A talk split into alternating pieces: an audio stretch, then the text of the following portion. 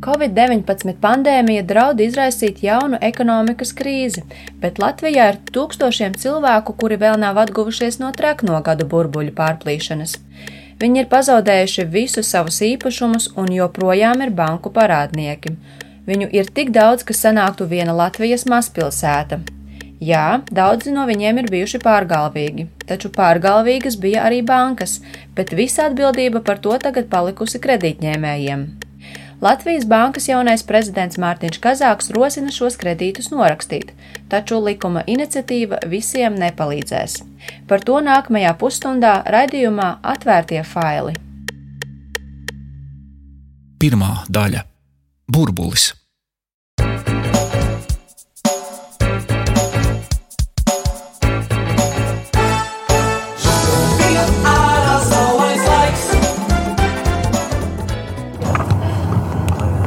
Mēs jau esam faktiski klāti pa tiem vārtiem iekšā. Mums kaut kas jāsaka kungam. Ja viņš kaut ko prasīs, tad jāsaka uz 3S. Tik tiešām saulainā pavasara dienā tiekos ar dziesmas autoru Arni Medni. Kopā mēs dodamies uz viņa studiju.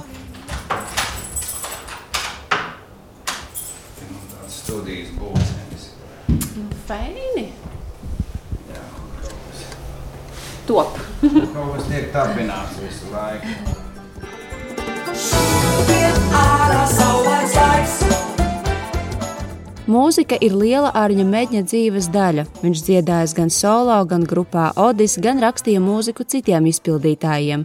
Arī Latviju Eirovīzijā pārstāvēja. Too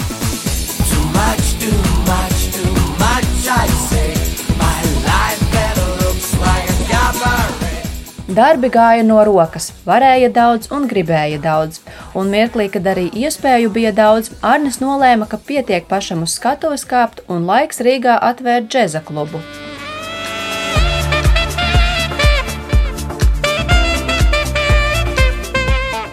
Tie bija traki laiki. Cilvēki zaudēja tādu kritisku attieksmi pret daudzām lietām, arī pret biznesu.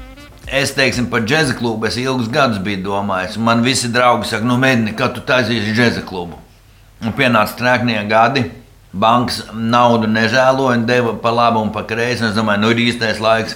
Un es vēl kā par nelaimi aizbraucu uz Londonu un aizgāju uz, uz Eiropas vienu no slavenākajiem džēza klubiem, Ronijas Scott Jazz Club, Londonas centrā. Un es domāju, vo, vokuštēle! Lai gan Arnis zinājis, ka Latvijā šāds klubs nekad nebūs stāvgrūdām pilns, jo gluži vienkārši džezam pie mums dziļu sakņu nav, viņš nolēma riskēt un savu klubu atvēra. Paņēma ap 300 tūkstošu latu lielu hipotekāro kredītu, lai varētu nopirkt un renovēt telpas. Banka prasīja galvojumu - Arņa ģimenes privātmāju Mārupē. To, ka pavisam drīz ekonomika pārkarsīs un Arnis tajā situācijā būs ar visneizdevīgākajām kārtīm rokās, viņš pat iedomāties nevarēja. Bija tā, ka mēs atvērāmies pavasarī, vasara bija ļoti karsta un Rīga bija vienkārši tukša. Un rudenī, rudenī mums sāka labāk iet. Un tad kaut kad, man liekas, tas bija novembris, parādījās televīzijā uh, Ivars Godmans un teica, pareksam, kaput. Un otrā dienā man bija džeklis, bija tukšs viss. Un burbulis plīsa. Klubs peļņu nenesa, kredīts bija jāatmaksā. Un tad es tajā brīdī, kad tas viss sākās, es sapratu, nu, kad, ir, nu, kad es būšu drīz uz ielas. Un tā arī bija. Krīzes laikā ienākumi bija tādi, kā Arnis saka, pat elektrības rēķinus nevarēja nomaksāt, kur nu hipotēku. Pie izlīguma ar banku nonākt nespēja, jo naudas nebija. Kaut kā jau galus centās savilkt, skrēja, darīja, uztraucās, pārdzīvoja, un tad ārne zemē notrieca insults. Viņš divas nedēļas nogulēja komā. Es vēl insultu sagaidīju savā mājā, un man uz reanimāciju aizveda no manas mājas. Bet jau visi dokumenti jau bija jau, jau, jau, jau kā. Jūs jau zinājāt, kas es jau zināju, es jau zināju. Es zaudēju visu, visu kas man ir, ieskaitot veselību. Arņa dzīvot griba izrādījās spēcīga. Ārsta prognoze, ka viņš paliks ratiņkrēslā, nepiepildījās, un Arnis nevien kustas, bet arī komponē. Taču papildu kritiskiem veselības stāvoklim izjuka arī laulība. Nu, nekāda baigi, baigi rožēna tas nav gan jāsaka. Tas sagrāva pilnīgi visu, kas man bija. Man sagrāva ģimeni, sagrāva manu veselību, ko es mūžā biju nopelnījis, sastādājis. Tas viss man tika atņemts. Šobrīd Arnim Mednim nekas vairs nepiedara. Viņš dzīvo īrētā dzīvoklī. Lai arī banka atņēma gan kluba telpas, gan ģimenes māju, īpašumu vērtība pēc burbuļu uzpūstā cenu krituma bija kritusies tik ļoti, ka Arnim joprojām palika milzīgs parāds. Skaitļi viņa galvā jūg, cik nu viņš atceras, vairāk nekā simts tūkstoši. Mūziķis saka, viņam simts mūžu nepietiktu, lai to samaksātu. Autortiesību honorārus par atskaņoto mūziku pārtver tiesu izpildītājs. Šajos 11 gados Ārnes Mēdnis nav varējis atļauties pat personisko maksātnespējas procesu, jo tas ir pārāk dārgs. Depozītam un valsts nodevai vien vajag ap 1000 eiro, un šādas naudas viņam nav. Tagad maksātnespējas procesa noteikumi atviegloti, un viņš sācis krāt naudu tam. Līdzīgus pārdzīvojumus traknajos gados ņemtais mājokļa kredīts sagādā Andrim. Viņa vārds ir mainīts, jo savu stāstu viņš bija ar mieru izstāstīt tikai anonīmi. 2005. gadā Andris nosprieda, ka ir īstais brīdis nodrošināt sevi, sievu un suni ar personīgo mājvietu. Noskatīts bija dzīvoklis ārpus Rīgas, kuru teorētiski ar tā brīža algu izmaksāt varētu pat piecu gadu laikā. Tomēr ar banku vienojās, ka darīs kā citi - kredītu ņems uz 25 gadiem, bet, kad darbā noslēgsies liels projekts un par to saņems attiecīgu atalgojumu, bez soda sankcijām uzreiz varētu dzēst visu atlikušo kredīta daļu. Viss šķita daudz sološi, tomēr ekonomikas pārkaršana skāra arī viņu. Ar Andri simboliski tiekamies pavisam tukšā telpā. Pēc dzīvokļa pārdošanas izsolē viņam palika nedzēsta apmēram puse no kredīta saistībām - vairāk nekā 40 tūkstoši latu. Kopš tā laika Andris slēpjas. Es skatos kontā, kontā man ir nulles. Nu, teiksim, ja pēc loģikas, pēc loģikas domājot, kontā bija jābūt mīnusam. Kontā ir nulle. Un, uh, Un tas arī viss. Es arī neko vairs izsakot, man neinteresē vairāk. Ja jau reiz kontā ir nulles, tu esi iegūst cēnu ekonomikā. Tā sanāk. Tas bija, nē, tas bija cits konts. Tas bija cits konts, bet principā nu, ēna ekonomika, jā. Kur tu spruksi, jā, nu viss ir jau. Mēs neminam ne teiksim, kaut kādas noteiktas profesijas vai virzienas, ja, bet nu, tas ir skaidrs, ka tā tas ir. Ko ar šī brīža pieredzi viņš gribētu pateikt pats sev tajā tālajā 2005. gadā, kad ņēma kredītu? Andris atbild ar pretjautājumu: kādēļ pie mums nevar kā citās valstīs, kur zaudējot kredītā ņemto īpašumu, aizņēmējiem nepaliek saistības? Bet, ja tā būtu, tad uh, cilvēki varētu ņemt arī tos mājokļus un arī maksātu tos teiksim, kredītus. Jo viņi zinātu, ka viņi neievirzīsies vēl dziļāk. Ja viņam notiks nelaime, viņš atdod atslēgas, nu viņš iet vai nu uz dzīvokli, īrē dzīvokli, sāk īrēt dzīvokli vai kaut ko citu izdomāja. Un tas, tas tikai loģiski būtu. Andris runā par tā saukto nolikto atslēgu principu. Tagad tās Latvijas likumos ir iestrādāts. Tiesa saimē tas prasīja teju desmit gadu kopš nekustamā īpašuma pirkšanas buma. Turklāt banku lobbyis panāca, ka to noteica kā izvēles iespēju, nevis obligātu. Praksē šī opcija nav populāra, vai precīzāk būtu teikt, tā ir pilnībā nepopulāra. Apmaiņā pret sevis pasargāšanu bankas prasa daudz lielāku pirmo iemaksu un augstākus procentu maksājumus un cilvēki, ņemot kredītu privāti īpašumam, arī pēc krīzes mācībām, negrib pieļaut domu, ka to var nākties zaudēt. Likuma labojumi arī nekādā veidā nerada izēju strupceļam, kurā 2008. gadā nonāca Arnis, Andris un daudzi citi. Kopumā Latvijā pašlaik ir vairāk nekā 10 tūkstoši cilvēku, kuri kā kredītņēmēji vai galvotāji zaudējuši savus īpašumus, bet joprojām ir banku parādnieki. Viņu nedzēsto parādu summa - 600 miljoni eiro. Ceturtā daļa šo parādnieku ir Svetbank. Trakno gadu uzdzīvē bija divas puses - aizdevēji un aizņēmēji. Bankas ar zaudējumiem tika galā ātri, piemēram, Svetbanka krīzes dēļ zaudējums cieta divus gadus un jau sen strādā ar 100 miljonu peļņu. Atbildību par trakno gadu dzīvēm turpina nest tikai aizņēmēji. Otrā daļa parādu atlaišana. Sveicināti! Jūs esat piezvanījuši Latvijas bankai. Pirms Covid-19 pandēmija lika valstī izsludināt ārkārtējo situāciju, Latvijas bankas jaunais prezidents Mārtiņš Kazāks nāca klajā ar iniciatīvu traknogadu parādus atlaist. Jā, manuprāt, tas vienkārši ir jāizdara. Žēl, ka tas nav izdarīts agrāk, bet nu, labāk ātrāk nekā vēlāk. Iniciatīva paredz visām pusēm bez jebkādām izmaksām norakstīt hipotekāros aizņēmumus, kurus līdz šai baldienai iedzīvotāji nav spējīgi atmaksāt. Būtisks priekšnoteikums - īpašums, kas bijis ieķīlāts, jau ir zaudēts. Tas attiecas gan uz kredītņēmējiem, gan galvotājiem. Latvijas radio ideju skaidro Latvijas Bankas padomas padomnieks Edvards Kušners. Tā normatīvā puse tur nav ļoti sarežģīta. Mums no parlamenta vajag divas lietas. Piekrist, ka bankas to drīkst darīt vienpusēji, šobrīd likums to neļauj. Likums liek atrast to parādnieku un piespiest viņu parakstīt. Un otra lieta ir, lai tas netiek aplikts ar nodokļu, jo mūsu likuma tāda, ka ja cilvēks dabū šo brīvlaišanu, viņam tas skaitās kā dāvinājums, un viņš uzreiz kļūst parādā valstī, un tas būtu absurdi. Komercbankas Kazāka iniciatīvu atbalsta. Banķieru motivāciju izklāsta Svetbanka pārstāvis Ainers Balcers. Mēs runājam faktiski par parādu saistībām, kas tehniski bankas pusē jau ir norakstītas, tātad atzītas par to, ka viņas atgūt vairāk nevarēs. Un tas, kas varbūt tās bankas pusē ir, tad šīs saistības viņas tā kā, tā, tā kā tīri tehniskas, ka viņas tur it kā ir. Tas mums joprojām rada zināmu tādu nu, uzturēšanas procesu, jo viņas tehniski tur viņas uzglabājas.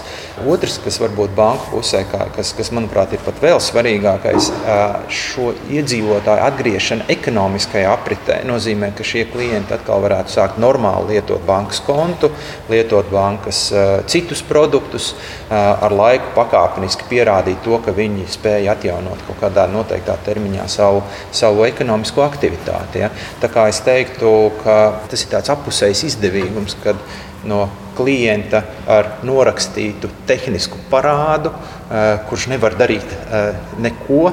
Ir klients, kas brīvi var atgriezties caurspīdīgā ekonomikā. Tomēr ir kāda nianse, visai būtiska nianse. Kazāka iniciatīva atlaist trakno gadu parādus negarantēs, ka tie tiešām tiks dzēsti. Tā uz parādu problēmu skatās no banku, nevis parādnieku viedokļa. Komercbankām tiks dota iespēja tos atlaist, bet nebūs uzlikts par pienākumu nevar likumu uzdot bankām brīvlaist šīs saistības, jo tad tā ir teiksim, ekspropriācija. Tur mēs nonākam problēmās gan ar satvērsmi, gan ar investīciju līgumiem. Mēs vienkārši piedāvājam dot iespēju. Kam, vai un cik daudz no parāda dzēst, to visticamāk atstās izlemt pašām kredītiestādēm. Kritēriju sarakstā būtiskākais būšot, vai parādnieku rīcība šo gadu laikā nav bijusi ļaunprātīga Piemēram, vai atņemtais mājoklis nav izdemolēts un vai komunikācijā nav bijuši mēģinājumi kaut ko slēpt. Turpina Finanšu nozars asociācijas juridiskais padomnieks Edgars Pastars. Nu, es teiktu, ka bankai, bankas pazīst savus klientus. Un šajā gadījumā likumdevējiem būtu jāuzstāsta bankām tajā ziņā, ka viņas ļoti labi spēj izvērtēt to, kurš no klientiem ir godkārtīgi pildījis savas saistības, bijis ieinteresēts to sakārtošanā problēmu gadījumā, un kuri varbūt ir veikuši apzināti ļaunprātīgas darbības. Parādnieki, protams, skeptiski, ka tiesības izlemt viņu likteni būs bankām. Nu, es negribētu atbalstīt šādas lēmumus. Galīgi nemaz. Jo tas ir neobjektīvi. Tas būs tīri subjektīvs lēmums. Tur, ja ir teiksim, šādas te sadalījumus, tad jau atkal velk uz kaut kādiem juridiskiem darbiem. Nav tā, ka līdz šim bankas kredītņēmējiem nebūtu piedāvājuši izlīguma programmas. Atsevišķos gadījumos labticīgajiem parādniekiem piedāvāts dzēst līdz pat 90% saistību, taču praksē tas īstenojies reti. Kā Arņa Medņa gadījumā, ja naudas nav, tad neko. Tā komunikācija bija, bet no labuma tās komunikācijas nebija. Jo banka vienkārši prasīja, ok, labi, tu nevari mēnesī maksāt 400, vai cik tu vari maksāt mēnesī. Es nevarēju maksāt necik. Nozarē piekrīt, ka šīs programmas nav bijušas veiksmīgas. Runājot skaitļos, līdz šim ir atlaisti 60 miljoni eiro traknajos gados neveiksmīgi izsniegtu hipotekāro kredītu zaudējumu, bet gaisā vēl karājas desmit reizes lielāks skaitlis. Turpina SEB bankas vadītāja Ieva Tetere. Es domāju, ka, ja mēs paskatāmies vēsturiski, tad tas dialogs starp uh, finanšu iestādēm un privātu personām varbūt 10 gadus un vairāk, 12 gadus atpakaļ nebija tik atklāts un varbūt arī nebija tik uh, savstarpēji zinošs, saprotošs. Uh, un līdz ar to bieži vien kredīta aizņēmēji arī varbūt pat baidās uh, uzrunāt banku, ja mēs mācētu kā arī no savas puses pateikt to, ka ka šī summa varētu būt mazāka, šī summa varētu būt sadalīta kaut kādos saprotamā termiņā, tad bieži vien arī aizņēmējs varbūt būtu gatavs runāt. Bet patreiz es domāju, ka aizņēmēji ir nobijušies un varbūt eh, cenšas piekopt tādu politiku, ka, nu, ja es kādu laiku nebūšu devis ziņu, varbūt, ka, varbūt ka tā problēma pazudīs. Kredītņēmēja asociācijā norāda uz vēl vairākiem apstākļiem, kas vedina domāt, ka iniciatīva neatrisinās daudz parādnieku problēmu. Viena daļa jau ir ar tiesas spriedumiem, kur virsū ir tiesas izpildītājs. Pat ja bankas būtu ar mieru atcelt šos izpildrakstus, tas nekādā mērā šos parādniekus neatbrīvo no sprieduma izpildes izdevumu nomaksas, nu, kur arī ir pietiekoši liels summas. Stāsta Latvijas kredītņēmēja asociācijas valdes loceklis Aivars Rudis. Bet vēl trakākā daļa ir tā, kur bankas jau sen šos parādniekus ir cedējušas, respektīvi viņas ir pārdevušas trešajām personām. Tātad parāda piedzīves kompānijām. Jā, jā. Un, un banka ir vesela virkne bankas, kuras faktiski iztīrīja savu portfeli ar dažiem šādiem darījumiem. Un tāpat ir DNB banka, tāpat iepriekšējā krāja banka. Ja parāds ir bankā, kura ir likvidācijas procesā, tad cerība uz atdošanu ir tikai tiem, kuru saistības palikušas bankā vai arī pārdotas citām bankām. Iniciatīva neglābs kredītņēmējus, kuru saistības atdotas parādu piedzinējiem vai bijušas pareks vai krājbankā, un tādu kopā ir vairāk nekā 2,5 tūkstoši. Tiek uzskatīts, ka tik tālu likumdevēja rokas nevar aizsniegties. Trešā daļa dārgā maksātnespēja. Un tieši tāpat šīs iniciatīvas ietvaros netiek domāts par tiem, kuriem sākts vai vēl jo vairāk iziets maksātnespējas process. Latvijas bankā skaidro, ka plānots palīdzēt tikai bezcerīgiem gadījumiem. Ja reiz cilvēks sācis maksāt nespēju, viņam ir iespējas, kaut vai nelielas, bet ir. Es šobrīd esmu ceļā uz Siguldu, Tur man ir norunāta tikšanās ar Ivo. Ivo traknajos gados ņēma hipotekāro kredītu dzīvoklim un īsi pēc tam arī mājai. Taču ekonomikas pārkaršanas brīdī par to visu samaksāt vairs nebija iespējams. Un viņa ceļš izveda cauri pieciem gariem maksāt nespējas gadiem. Kā tas ir ietekmējis viņa dzīvi un kā par to visu viņš jūtas tagad, kad iespējams visi parādi viņam tiktu dzēsti, ja vien pats nebūtu tam visam izkūlies cauri, es tagad dodos noskaidrot.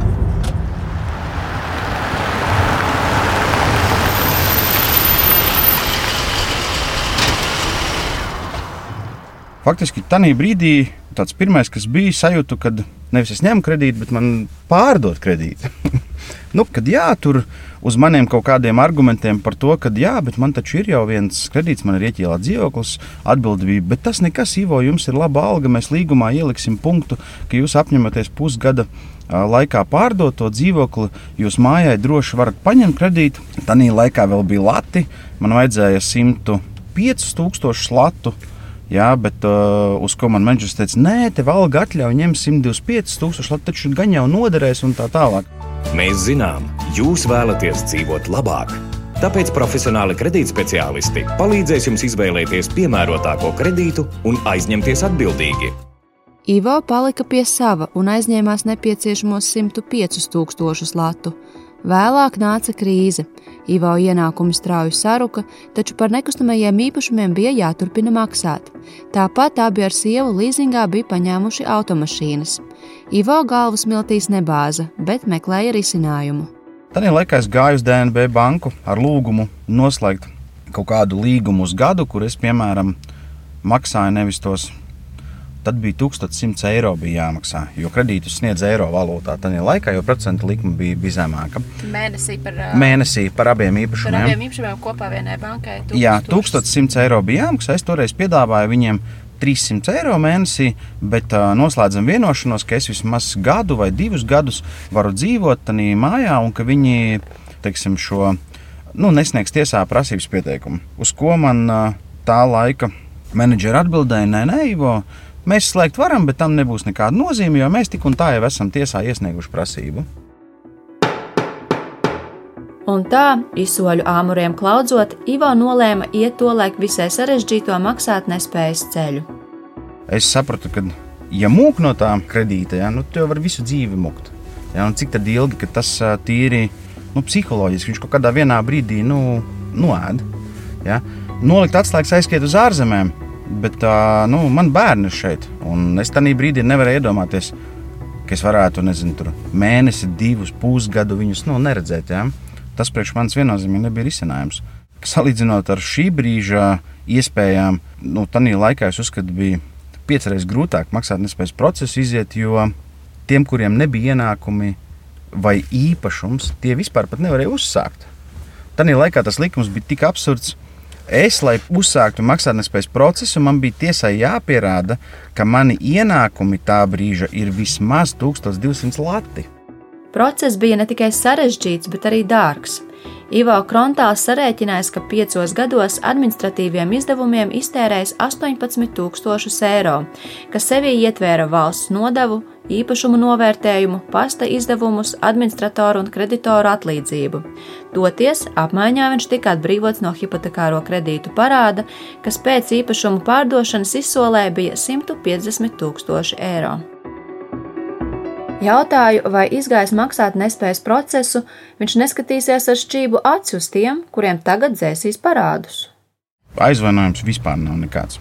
Es taisnīgi esmu priecīgs, ka nu, šis varētu būt tāds beidzot solis arī no banku puses, kad nu, arī viņi uzņemas kaut kādu atbildību.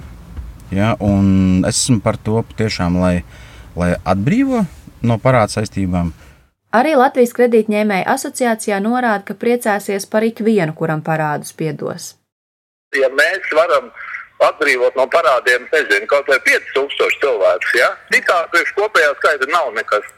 Bet tie tāpat 5000 cilvēki. Tas ir nu, viena maza Latvijas mazpilsēta, ja? kuriem nav vairs parādu, kur var legāli strādāt, maksāt pilnus nodokļus, veidot uzņēmumus un tā tālāk. Sociālajos tīklos gan redzēta arī pretēji viedokļi. Cilvēki jautā, kāpēc viņiem nācies pašiem tikt galā ar parādiem, kamēr citiem tos tagad atlaidīs. Ceturtā daļa - nobeigums. Latvijas bankas priekšlikumu saimā sāk skatīt šonadēļ, un deputātas liecas to atbalstīt, lai gan jautājumi vēl esot. Turpina atbildīgās budžeta komisijas deputāte Ilze Indriksone liela daļa no tiem cilvēkiem šobrīd neatrodas Latvijā un strādā arī tais dažādos arī maskavicētos darbos. Protams, var teikt, ka viņi varbūt nav izdarījuši līdz pēdējiem visu, lai šīs saistības dēstu. Uh, var, var, protams, eh, viņus tiesāt uz mūžu un, un teikt, ka viņi ir, eh, nedrīkst Latvijā atgriezties, bet, manuprāt, laiks iet uz priekšu un varētu teikt arī, ka ir jāņem vērā, ka viņi ir izdarījuši visu iespējamo banku. Banku redzeslokā viņi ir bijuši, viņi ir savu īpašumu zaudējuši, viņi ir centušies atmaksāt, un tajā vienā brīdī, kad viņam vairs nav ko paņemt, tad faktiski mēs pēc gadiem, nu jau varētu teikt, 12 varam, es domāju, šo likumu, likumu projektu īstenot un grozīt. Latvijas bankas iniciatīva nekādā veidā nepalīdzēs tiem, kuri iekrituši ātrā kredītu slazdā. Šim mērķim tapuši citi likuma grozījumi, ko valdība atbalstīja aprīļa vidū. Mazo kredītu ņēmējiem plānots piedāvāt atvieglotu maksātnespējas procesu. Kušners uzsver, ka uz parādu atlaišanu necerēt arī cilvēkiem, kuriem ienākumi sarukuši tagad, Covid-19 pandēmijā.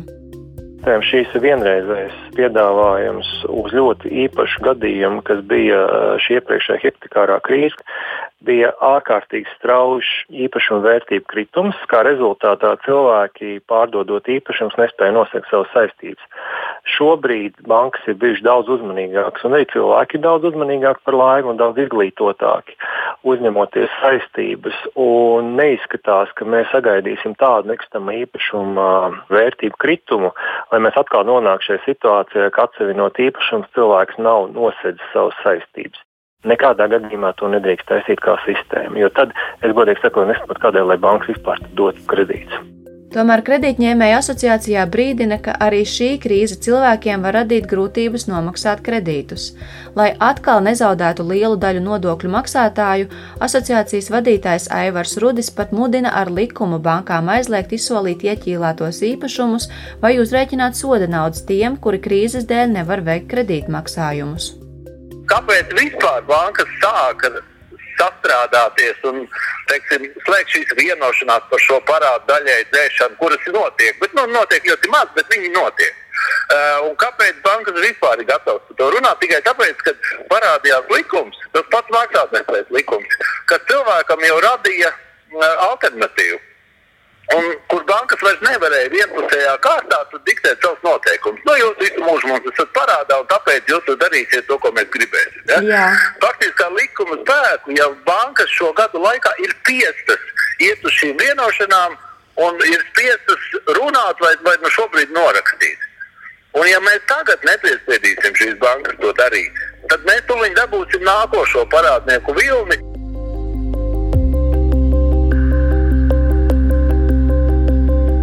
Raidījumu sagatavoja Danuta Juste, Anita Brauna un Reinis Budze. Atvērtie faili!